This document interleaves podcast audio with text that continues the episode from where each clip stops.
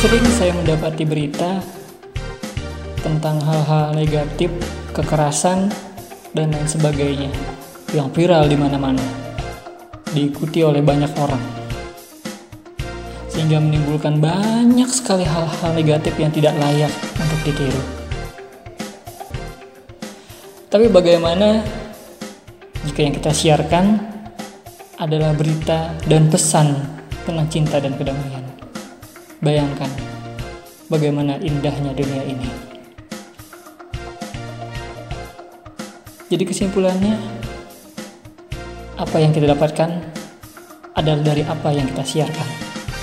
Bersama saya Rindy Karaman, inilah dia Broadcast Talk.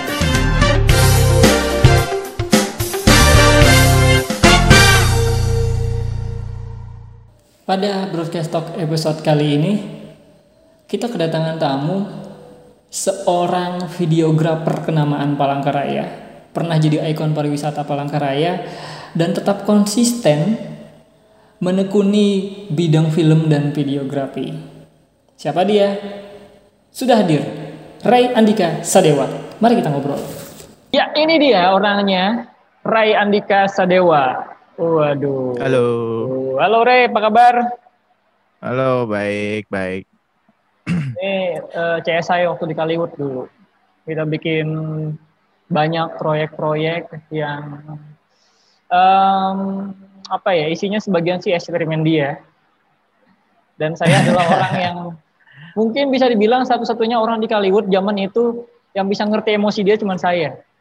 Karena dia sama kru lain kadang-kadang berantem. Oh ya berantem terus. Iya. Bela-belain bangun pagi untuk um, record broadcast talk. Ya, iya. biasa. Karena saya tahu orang ini nggak pernah bisa bangun pagi. Ini. Wah gimana? Udah udah nggak udah jarang bisa bangun pagi. Terus kemarin baru datang dari Banjarmasin malam-malam. Ngapain sepedaan? Bela-belain. Ya enggak lah, gila aja sepedaan. Kali ngambil ya. ngambil ngambil sepeda. Oh beli sepeda baru luar biasa. Bisnis videografinya menghasilkan Hmm. sepeda baru, mobil dan sebagainya. Makanya saya mau nanya sama orang ini, Alhamdulillah. gimana caranya dengan bisnis, eh, bisnis bukan sih, aktivitas videografi. Bukan sih. Iya, aktivitas videografi yang dia geluti sehingga bisa menghasilkan pundi-pundi rupiah. Punya sepeda yang update terus, yang dia kalau lecet sedikit aja langsung beli spare part. Terus Wah, itu Eh. tidak benar, Bapak. iya, saya ngeliat ya, oh lecet Saya ini. beli sek saya beli second semua ya. Iya, cuma kan spare part sepeda Anjay. ya, harganya udah hampir sama kayak spare part motor. iya sih. Ini orang luar biasa sih sahabat saya. Jadi senang bisa ngobrol sama dia. Saya udah janjian sama dia dari bulan lalu sebenarnya. Tapi orangnya sibuk sekali. Em, sana kemari terus. Jadi akhirnya alhamdulillah di pagi ini bisa ngobrol sama dia. Ini sebenarnya nggak pagi-pagi amat sih jam setengah sembilan kita record ya. Tayangnya Iya, naiknya nggak tahu sih. Naiknya mungkin eh, nggak tahu dua minggu lagi kayaknya. Ya pokoknya kalau Hmm. kalian udah denger ini, itu berarti kita udah tag dua minggu yang lalu. Gitu ya. Oke, Ray. Terakhir kita ketemu kapan, Ray? Eh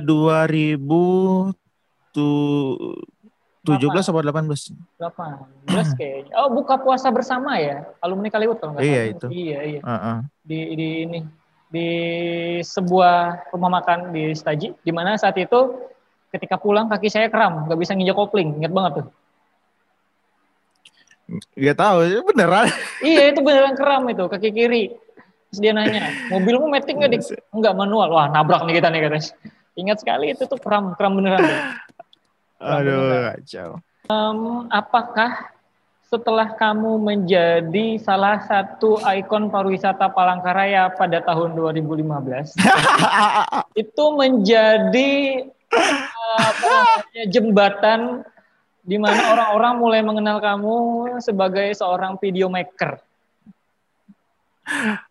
Ah, sebenarnya tidak ya. Masa sih, soalnya saya yang lihat Trey itu selama beberapa tahun belakangan kemudian setelah itu mukanya mampang terus di depan kantor gubernur, di depan istana, uh, Istana Isen Mulang, nih muka orang ini. Eh, Ya itu um, salah satu uh, salah satu alasan kenapa nampang terus video itu tuh mungkin ini bukannya sombong ya.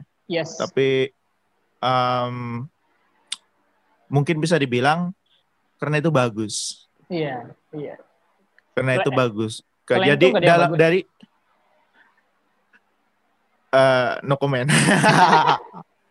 Oke, oke, oke. karena karena ini ya, karena ini ya. em, itu diproduksi pada tahun 2015. 2015 itu tepatnya sebelum saya bergabung ke eh, ke perusahaan, Mhm, perusahaan mhm. film.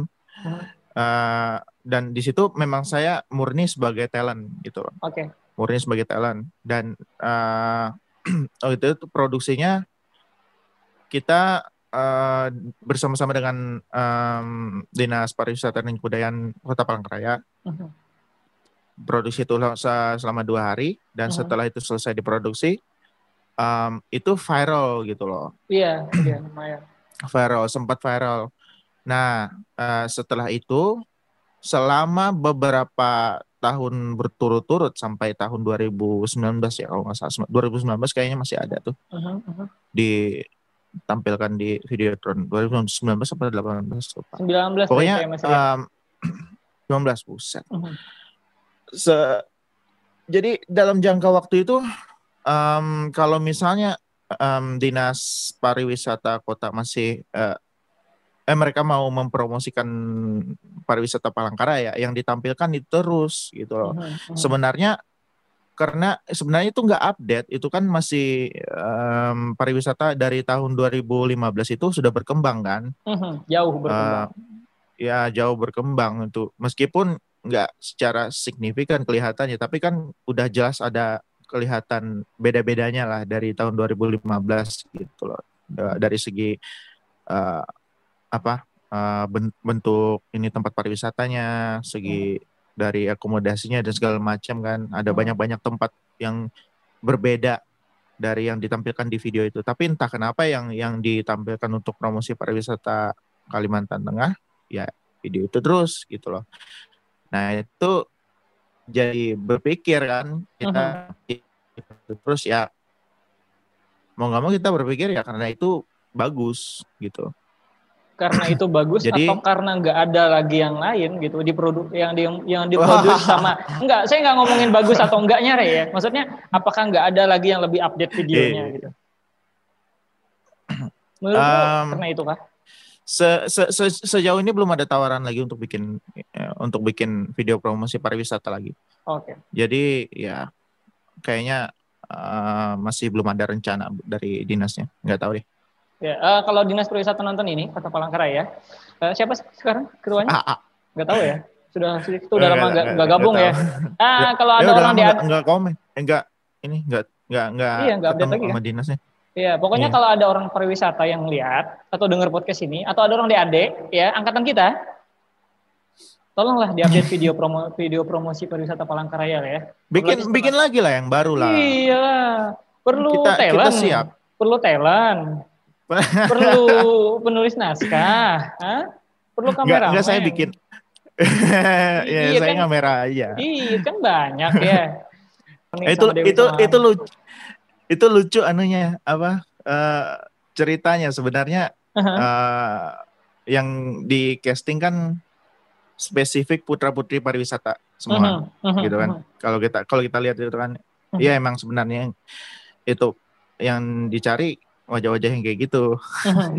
cuma cu- cuma entah kenapa saya masuk gitu lah saya ini bukan bukan nggak ada hubungannya sama putra putri pariwisata nggak ada bikin pageant juga nggak pernah gitu tapi Iya, masuk iya. di situ kan karena alasannya cuma cuma karena satu Apa? muka saya lucu Itu apakah efek dari meja 13, Re? Peranmu di meja 13 kan agak-agak mirip tuh, stereotip kan?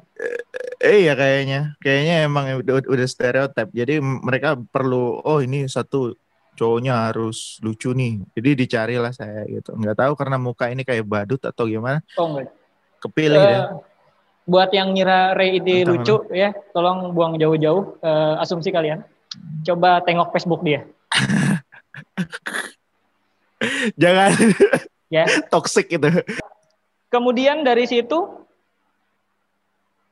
kamu akhirnya lebih tertarik ke belakang layar. Iya. Yeah. Kenapa? Iya, karena dari awal emang udah passionnya ke situ. Belakang ke layar. Belakang layar. Uh -uh. Eh dari SMA, SMA udah bikin-bikin ini filmnya udah hilang sih, tapi dari SMA emang udah bikin-bikin film gitu loh.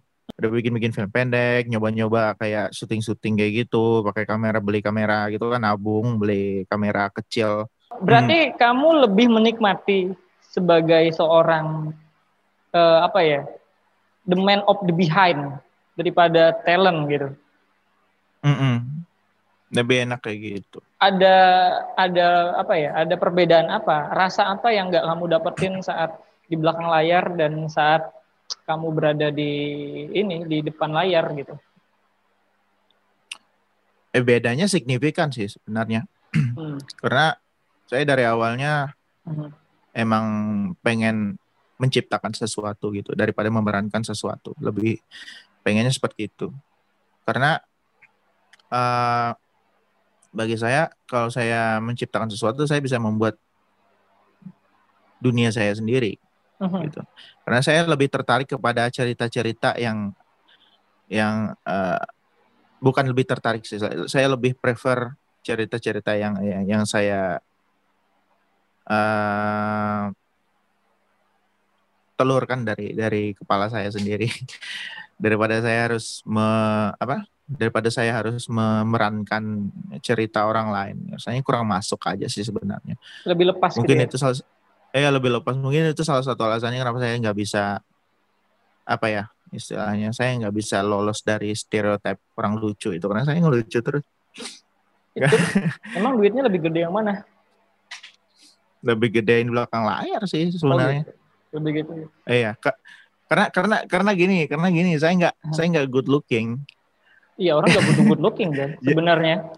Eh, iya orang sebenarnya butuh good gitu, performance. Tapi kan, kan? tapi kan iya butuh performance sebenarnya. Tapi karena tapi kalau kalau kita bicara di di kancah lokal, uh-huh. di mana di mana banyak orang modeling dan segala macam gitu kan. Iya. Kan itu perlu tuh tampang tuh. Nah, jadi Iya, iya dari, dari, dari segi itu sudah nggak mendukung untuk menjenjang karir dari ke, ke yang performance art kayak gitu segala acting segala iya. macam talent.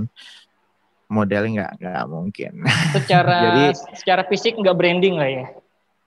Eh, iya realistis aja. Ini perut udah kayak gentong bro. Iya kan? Sepeda tiap hari tuh. Eh yang nggak berubah. Terus buat apa sepedaan kalau nggak berubah rey? Cuma ya manjang manjangin umur lah satu dua hari nggak apa oke oke oke terus roket hero itu apa itu Oh Rocket Hero itu ini apa? Uh, brand pribadi sebenarnya itu. Dalam sisi brand pribadi dalam sisi uh, pengkaryaan, pengkaryaan dan bisnis juga sih sebenarnya. Cuma itu nggak terlalu kutonjolin. Cuma kalau misalnya sebenarnya aku dapat bisnis yang personal, nggak gabung sama orang, uh, aku pakai Rocket Hero gitu loh. Atau aku mau bikin film pakai Rocket Hero. Apakah oh. Rocket Hero ini sebagai lebih persentasenya lebih sebagai brand bisnis atau sebagai sebuah brand eksperimen? Ah, brand eksperimen pastinya. Secara secara persentase proyek pun kayak gitu. Ah, iya kayak gitu. Dan dari Rocket Hero kamu mendapatkan banyak uh, gear-gear dan spare part sepeda dan hasil yang kamu dapatkan sekarang itu kebanyakan Rocket Hero. Hmm, kebanyakan dari situ. Yang kedua dari dari freelancing. Oke. Okay. Jadi pertama dari Rocket Hero, kedua freelancing. Gitu. Bisa diceritain nggak, Rek, awalnya Rocket Hero? Kok kamu bisa kepikiran Rocket Hero? Ada filosofi apa yang tertanam dari Rocket Hero? Uh, Rocket Hero, simple aja sih filosofinya. Itu Rocket Hero kan artinya pahlawan roket gitu kan? Iya. Roket, roket itu kan uh, dia launching ke ke atas itu kan dia uh-huh. akan selalu selalu ke atas sampai luar angkasa uh-huh. terus dia nggak nggak turun-turun nggak turun-turun lagi gitu loh kalau misalnya roket di di yang misalnya roket yang turun ke bumi itu kan karena kehendak yang mengendalikan gitu loh. Kalau Iya. yang mengendalikan mengendalikan nggak mau roket itu turun ke bumi ya terus terus terbang dia gitu. Jadi aku pengen ini terbang terus gitu loh. Ke atas Aneh ya. terus. Eh, ke atas terus. Ya, terus hero ya karena aku suka ini aja pahlawan. Itu sejak kapan, Dre? pahlawan pahlawan super. Eh, tahun berapa ya? 2000 2016 kalau nggak salah. 2016. 2016 idenya heeh, 2017 nah itu mulai pas pas statis pertama Itu Rocket Hero pertama. Eh, Rocket Hero Production pertama di statis Proyek terbesar apa yang pernah ditangani sama Rocket Hero, Re? Eh,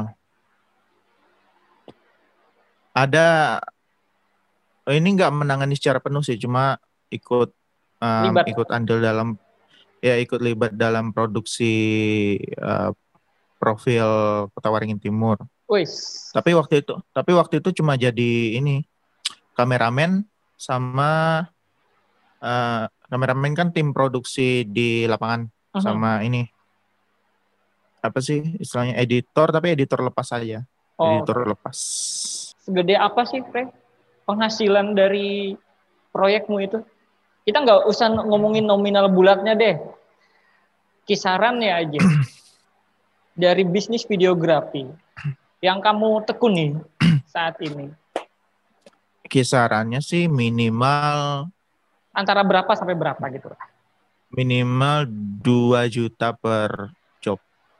Untuk job paling standar ya. Iya, job paling standar 2 juta. Itu udah include 2 all in. Include all in.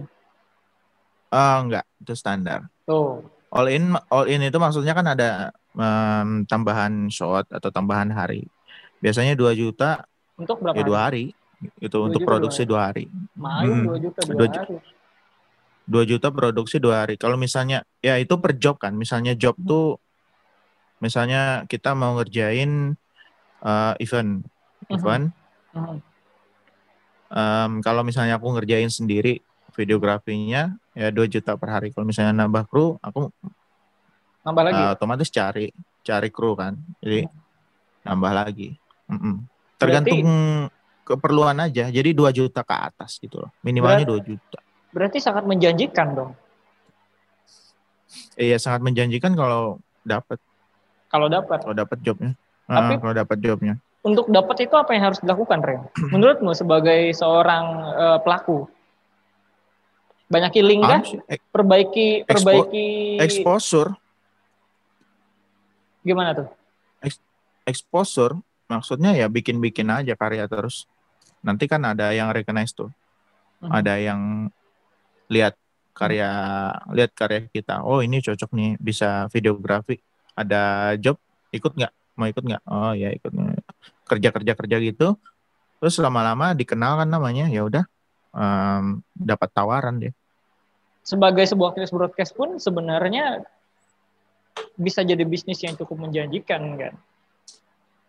hmm, benar Iya. Dan karena se- karena sekarang eh, kita hidup di ini kan kita hidup di era informasi mhm. Jadi em, aktivitas broadcast itu sangat berharga karena orang kan cari informasi terus. Iya. Asalkan kita bisa memprosesnya, Mhm. kita tahu cara memprosesnya dan mengemasnya dengan media yang disukai orang zaman sekarang Mhm. pasti laku. Mhm, mhm, mhm. Kalau di Rocket Hero sendiri, lebih seringnya kamu sebagai apa? Selain editor ya, karena saya tahu kamu pasti ngedit sendiri, kamu nggak percaya sama orang lain, saya pasti. No, no, no. Iya, saya tahu dia nggak pernah percaya sama Lebih orang lain. leb- lebih ke sutradara. Bukan yang megang kamera justru. Sutradara me- megang kamera awal-awalnya ya Setelah Ah. setelah pasti selalu megang kamera. Aha. Tapi setelah ada em, banyak koneksi gitu, ada yang bisa di ada yang bisa diminta tolong gitu loh buat pegang kamera. Ada yang saya ada yang saya percaya buat megangin kamera. Yang penting saya arahin aja gitu loh. Oh kamu nembak kamu nembak sini angle-nya kayak gini gitu loh. Nanti kamu moving ke sini, gerak di sini, berhenti di sini ambil kayak gitu segala macam. Yang penting mereka ngerti aja. Mm-mm. Kalau ngedit nggak ngasih directing. kalau ngedit nggak nggak ke orang lain sama sekali. Hmm, ya, Iya. masih belum Saya ingat dulu. masih belum percaya sama orang. iya, saya ingat dulu waktu Real Deal tuh. Real Deal ingat banget tuh. Film yang saya sebenarnya agak malu kalau nonton. Real Deal itu dia ngedit dari awal sampai akhir. Terus kayaknya saya kurang serak sama akhirnya. Saya edit bagian akhir, dia ngamuk. Dia ngamuk bagian akhir. Jadi kalau nonton Real Deal yang bagian ada pemeran eh, gangsternya itu diem, itu saya ngedit, dia ngamuk, dia nggak suka katanya. Anda Anda ngedit tanpa bilang saya, itu masalahnya. Karena Konsultasi dulu Bapak. Karena kalau bilang pasti dia nggak mau. Udah gini aja dik, kayak gitu. Iya, orang kan ngasih saran gitu loh. Ngasih saran itu adalah yang, yang terbaik. Kalau misalnya ada ada yang lebih baik dari itu ya bilang Iya. gitu loh. Kita saya tuh saya tuh lebih lebih suka kalau misalnya kita me- meng, apa? eh, kita bikin sebuah karya itu dari hasil rembukan. Iya. Itu lebih enak sebenarnya. Soalnya semua semua otak tuh masuk di situ. Saya emang emang keras soal pilihan kreatif. Iya. Tapi kalau misalnya ada yang mau ada yang mau rembukan sama saya silahkan gitu loh. Iya, karena buat ngedit, kemarin saya ngobrol sama Ludi juga, buat ngedit itu perlu ketelitian, kepekaan, iya kan ya, Mm-mm, dan kesabaran. mm-mm.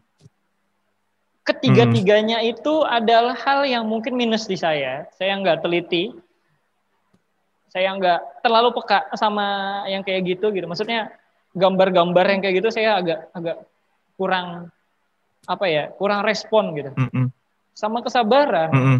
Ya Anda tahu lah, Anda sering eh, kita sering kerja bareng di Kaliwood. Eh, ya, saya sering nggak sabar.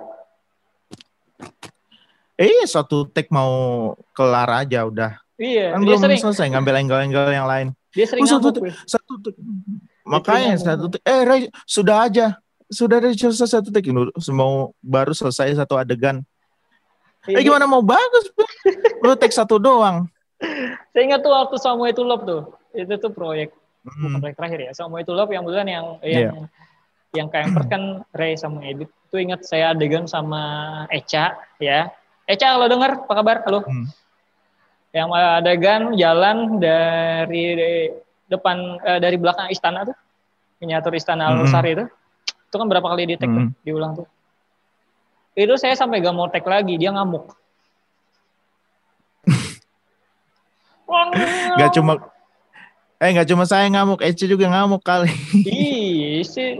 Karena itu kelemahan saya adalah saya sering kali nggak sabar gitu. Bagi saya kalau udah udah kelar, ya udahlah, ya udahlah. Nah itu. Jadi Iya. untuk untuk Ya, ngedit itu diperlukan masalah- sekali. Masalahnya waktu itu kan, masalahnya waktu itu kan satunya bagus, satunya enggak. Mhm, mhm. Terus satu, yang yang ini bagus, eh kami enggak gitu loh. Maksudnya kami tuh nyari nyari jalan tengah di mana dua dua dua eh, actingmu tuh nggak membayangi actingnya Eca dan kebalikannya kayak gitu loh. Mhm. Soalnya adegannya kan perlu kayak gitu, perlu santai, nggak perlu terlalu overacting gitu. Iya. Mungkin waktu Jadi itu saya me- mencari yang ba mencari yang mencari yang bagus sebenarnya. Kalau kalau bagus. misalnya dibilang ya kalau misalnya sebenarnya bilang bagus ya bagus tagnya. Cuma kan kita mau ngambil yang terbaik dari yang terbaik ya. Iya, nggak imbang. gitu antara antara acting kalian berdua gitu cari cari yang seimbang. Saya mungkin waktu Gitu. itu terlalu terdistract sama Reza Rahadian, Re. Waktu itu Reza Rahadian pernah bilang gini di salah satu wawancara. Saya itu cuma bisa ngasih tag terbaik itu sampai tiga kali. Kalau empat kali saya nggak bangun lagi katanya ngulang.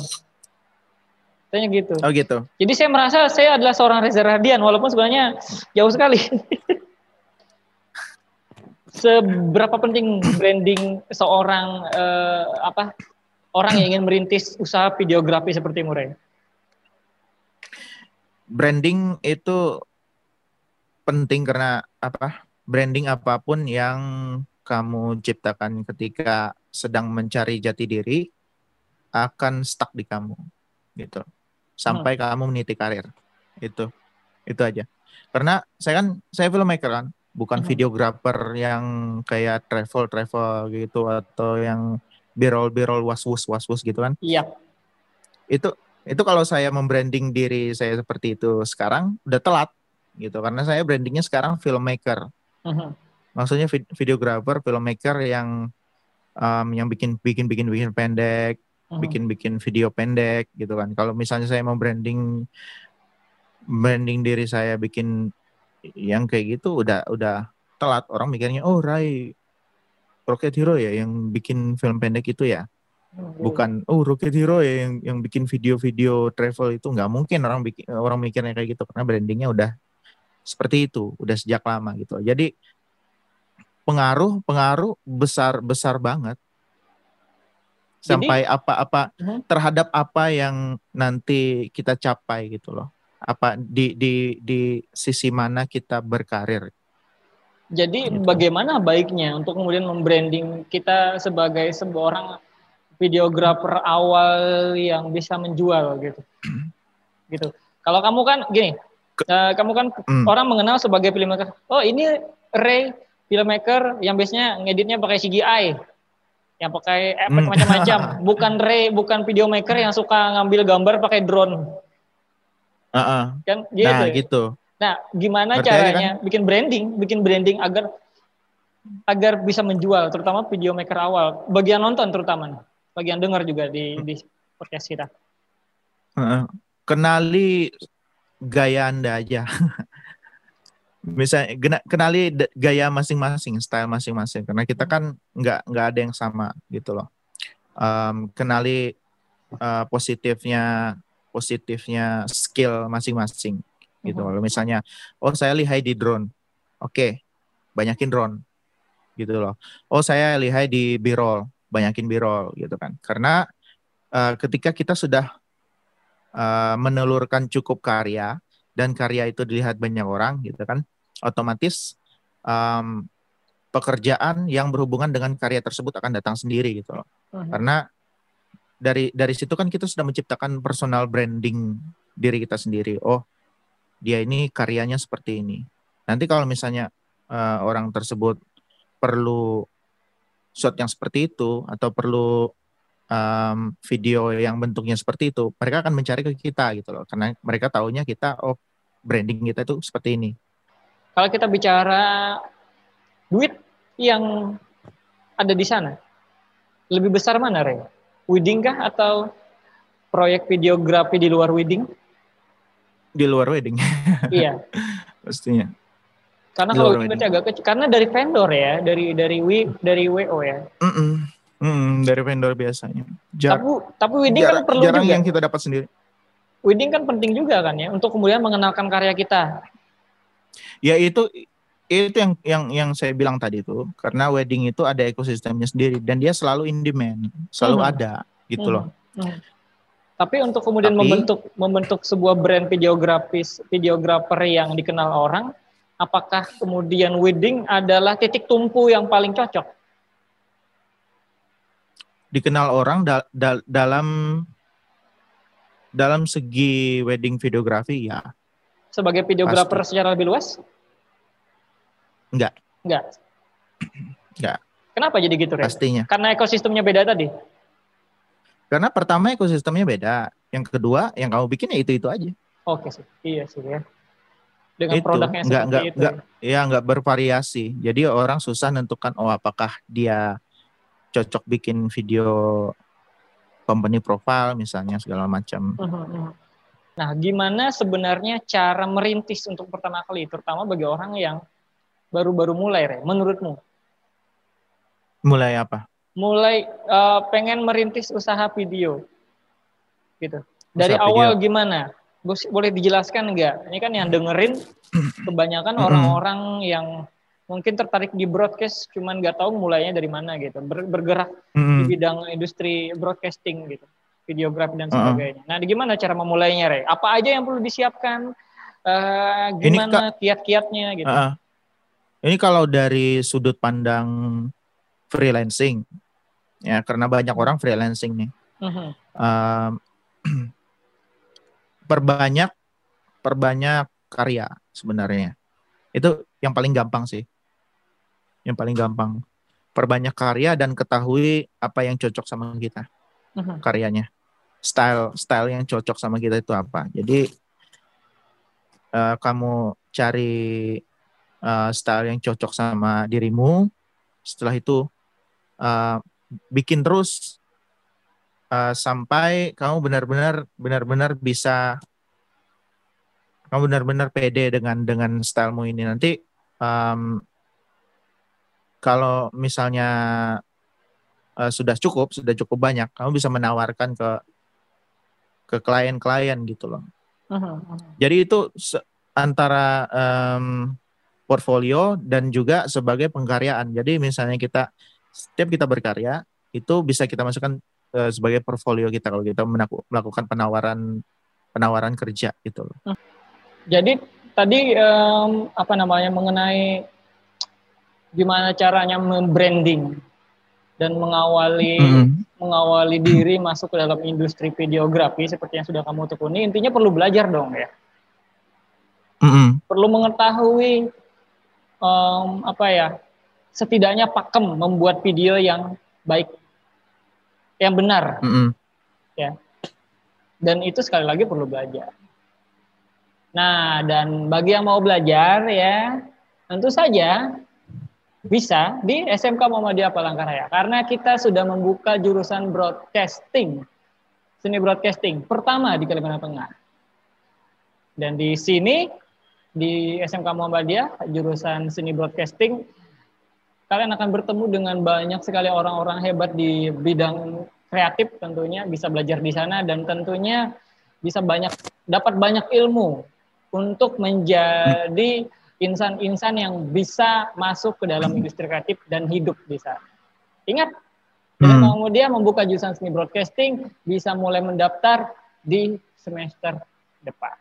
Ya, kamu ingat nggak film yang mempengaruhi mempengaruhi apa ya mempengaruhi diri kamu sebagai seorang filmmaker? Ada nggak satu film sebutkan aja film yang menurutku kayaknya satu film uh, uh, yang yang kayaknya mempengaruhi banget gitu yang membuat kamu belajar banyak tentang film Um, kayaknya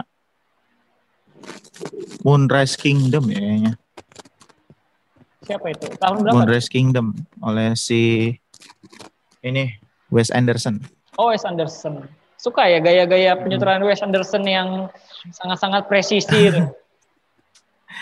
suka, suka, tapi masih belum ini, masih belum ada waktu ya masih belum ada kesempatan buat bikin yang seperti itu. Sebenarnya suka style-style yang kayak gitu. Uh, yang surreal, iya, surreal, surreal dan dan agak-agak kekanakan tapi sebenarnya menyimpan sesuatu sesuatu yang gelap gitu. Uh-huh. Kalau saya suka, sih yang sebenarnya yang ciri khasnya kan gayanya pengambilan gambar kan, presisi dan uh, penceritaan juga. Iya, penceritaannya agak surreal dan ya gitu dunia yang cuman dia ngerti, cuman cuman uh, apa Wes Andersonnya yang ngerti. Wes Anderson itu gini, um, dia suka bikin film yang kesannya kekanakan gitu kan. Ada hmm. unsur unsur fantasi anak-anaknya di situ dan hmm. juga dia bikin film fun, color palette-nya hmm. terang benderang dan segala macam kan. Tapi di balik itu dia menyembunyikan kegelapan tersendiri. Nah, gitu.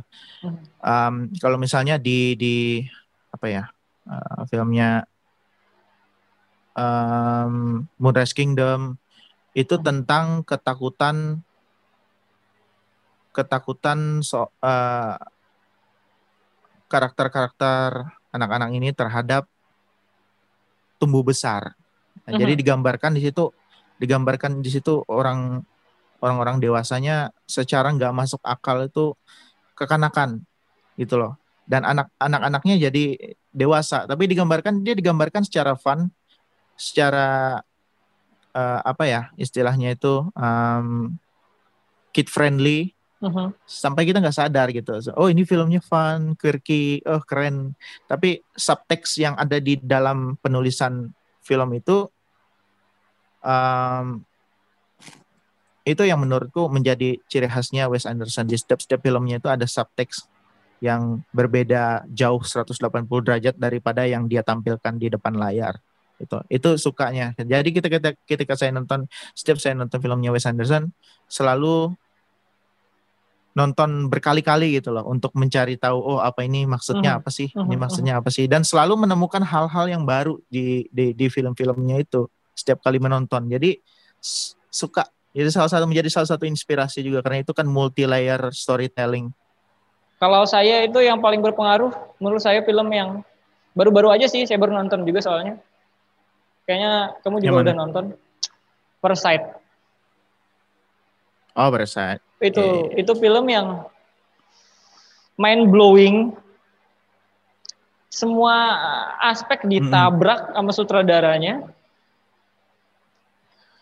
Em, benar-benar menyentuh nurani dan banyak sekali metafor-metafor tersembunyi yang setelah saya coba memahami langsung berdecak sekagum-kagumnya sama jalan pikiran orang ini. Kalau film yang menurutmu mind blowing kayak nggak Mind sampai blowing. sekarang masih ini nggak tahu film ini film apa sih itu apa apa pernah nonton nggak apa yang yang nggak jelas atau yang, yang Ya yang sampai sekarang kayaknya berkesan cuman nggak tahu nih kesannya apa gitu. Ini film ini tentang apa gitu. Hmm, nah ada Ghostbuster Kenapa tuh? Ghostbuster yang per- yang pertama Ghostbusters itu yang main apa siapa sih? Lupa. eh, anu Bill Bill Murray Oke. ha. Kenapa yang tuh? paling pertama. Dah, aku pernah lihat video, uh, Mhm. video essay di YouTube tentang uh, Ghostbuster. Dia ngulik-ngulik Ghostbuster. Jadi Ghostbuster yang pertama itu tentang apa sih? Jadi dia nanya gitu kan, itu kan pertanyaannya di video. Itu Mhm. tentang apa sih? Lah aku juga dimikir. Kalau misalnya ditanya, oke, tentang apa? Ini tentang empat orang yang bersatu untuk mengalahkan hantu di New York. Mhm. Tapi bukan, itu bukan bukan tentang filmnya, itu kan plot. Itu beda tentang beda ke film ini tentang apa? Ha-ha. Loh, terus tentang apa Ghostbuster? Oh, tentang ini, tentang eh orang-orang yang dipecat dari universitas terus bikin usaha sendiri.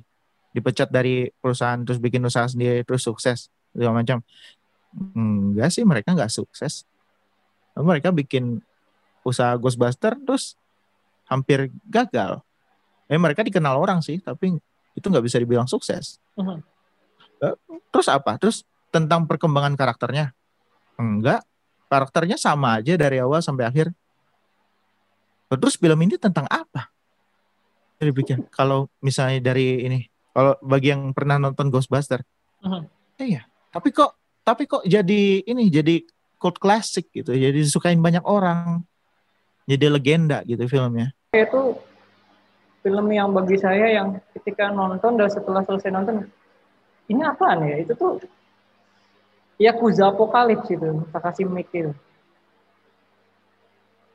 Oh itu absurd banget filmnya. itu itu nggak ngerti sampai sekarang saya malah mikir dia tuh bikin film kayak bilang ke krunya ayo kita bikin film tentang yakuza yang jadi vampir terus dia berantem sama dan sama orang yang pakai kostum kodok ketika dibuka kostum kodoknya isinya kostum kodok lagi sampai sekarang loh sampai sekarang setelah bertahun-tahun nonton sejujurnya saya nonton cuma karena ada Yayan Ruhian waktu itu setelah iya, nonton Rian jadi iya dia jadi jadi otaku. jadi otakku itu kan nggak ngerti nih endingnya pun cuma tonjok-tonjokan muka dan Ah. sampai sekarang ngerti itu main blowing yang sampai sekarang saya nggak nemu maksudnya apa Mm-mm. Terus yang kedua Mind blowingnya dalam dalam artian dalam artian sebenarnya ini film apa sih? iya dalam arti seben- dari segala aspek gitu dia mau dia mau bikin apa dalam dalam arti yang gitu. sebenarnya. Heeh. iya dia uploadnya ke mana-mana menarik sih seru cuman ya itu sekali lagi terima kasih banget Sama-sama. Sukses Makasih dengan- udah diundang ke podcastnya. Iya, silakan nanti didengerin di Spotify. Case-nya SMK Muhammadiyah Broadcast Talk akan naik Siap. akan naik setiap hari Senin pagi biasanya akan naik. Kalau mau denger yang tentang kesehatan boleh dicek di Pharma Talk itu setiap hari Kamis atau Jumat insya Allah. YouTube-nya setiap hari Jumat siang atau pagi jam 9 sampai jam 12 tergantung adminnya mau upload kapan. Biasanya setiap Jumat. Nah, itu proyek yang terbaru apa Rey yang mau dikerjakan? Proyek yang terbaru ada mau bikin film Waduh, ini rahasia sebenarnya. Tapi ada mau bikin film khusus buat film festival. Oke. Okay. Yang mau, ya, ngerjainnya tahun depan aja kayaknya. Tahun ini habisin buat planningnya aja udah November. Sebenarnya dari Agustus. Agustus sudah mulai. Orang-orangnya juga udah ada. Cuma kita masih ngembangin naskah dan ide-ide cerita dulu. Maunya ngangkat lokal sih. Harus, harus. Ngangkat Ya uh, pernah jadi ikon pariwisata loh, masa nggak ngangkat lokal? Oh, tapi saya di itu jadi badut aja bapak. Gak apa-apa, gak apa-apa. Di lapangan bola juga yang jadi ikon biasanya badut-badut kan. Tapi ikon. Oh iya, Enggak gitu. Oke, okay, kalau gitu semoga sukses semua uh, ininya kita tunggu karya terbarunya. Ya, yang penasaran ya, silakan cek di YouTube-nya di ke YouTube Hollywood atau pasti kenal semua lah apalagi yang sering lewat Istana Asian Mulang itu ada mukanya tuh saya sampai bosan lihat mukanya tuh. Di, di iklannya itu di Palangka Explore oke kalau begitu kita dahi saja broadcast talk edisi hari ini. Sampai ketemu di broadcast talk episode berikutnya. Terima kasih sudah mendengarkan. Dadah thank you Ray Yuk. Broadcast Talk by SMK Muhammadiyah Palangkaraya.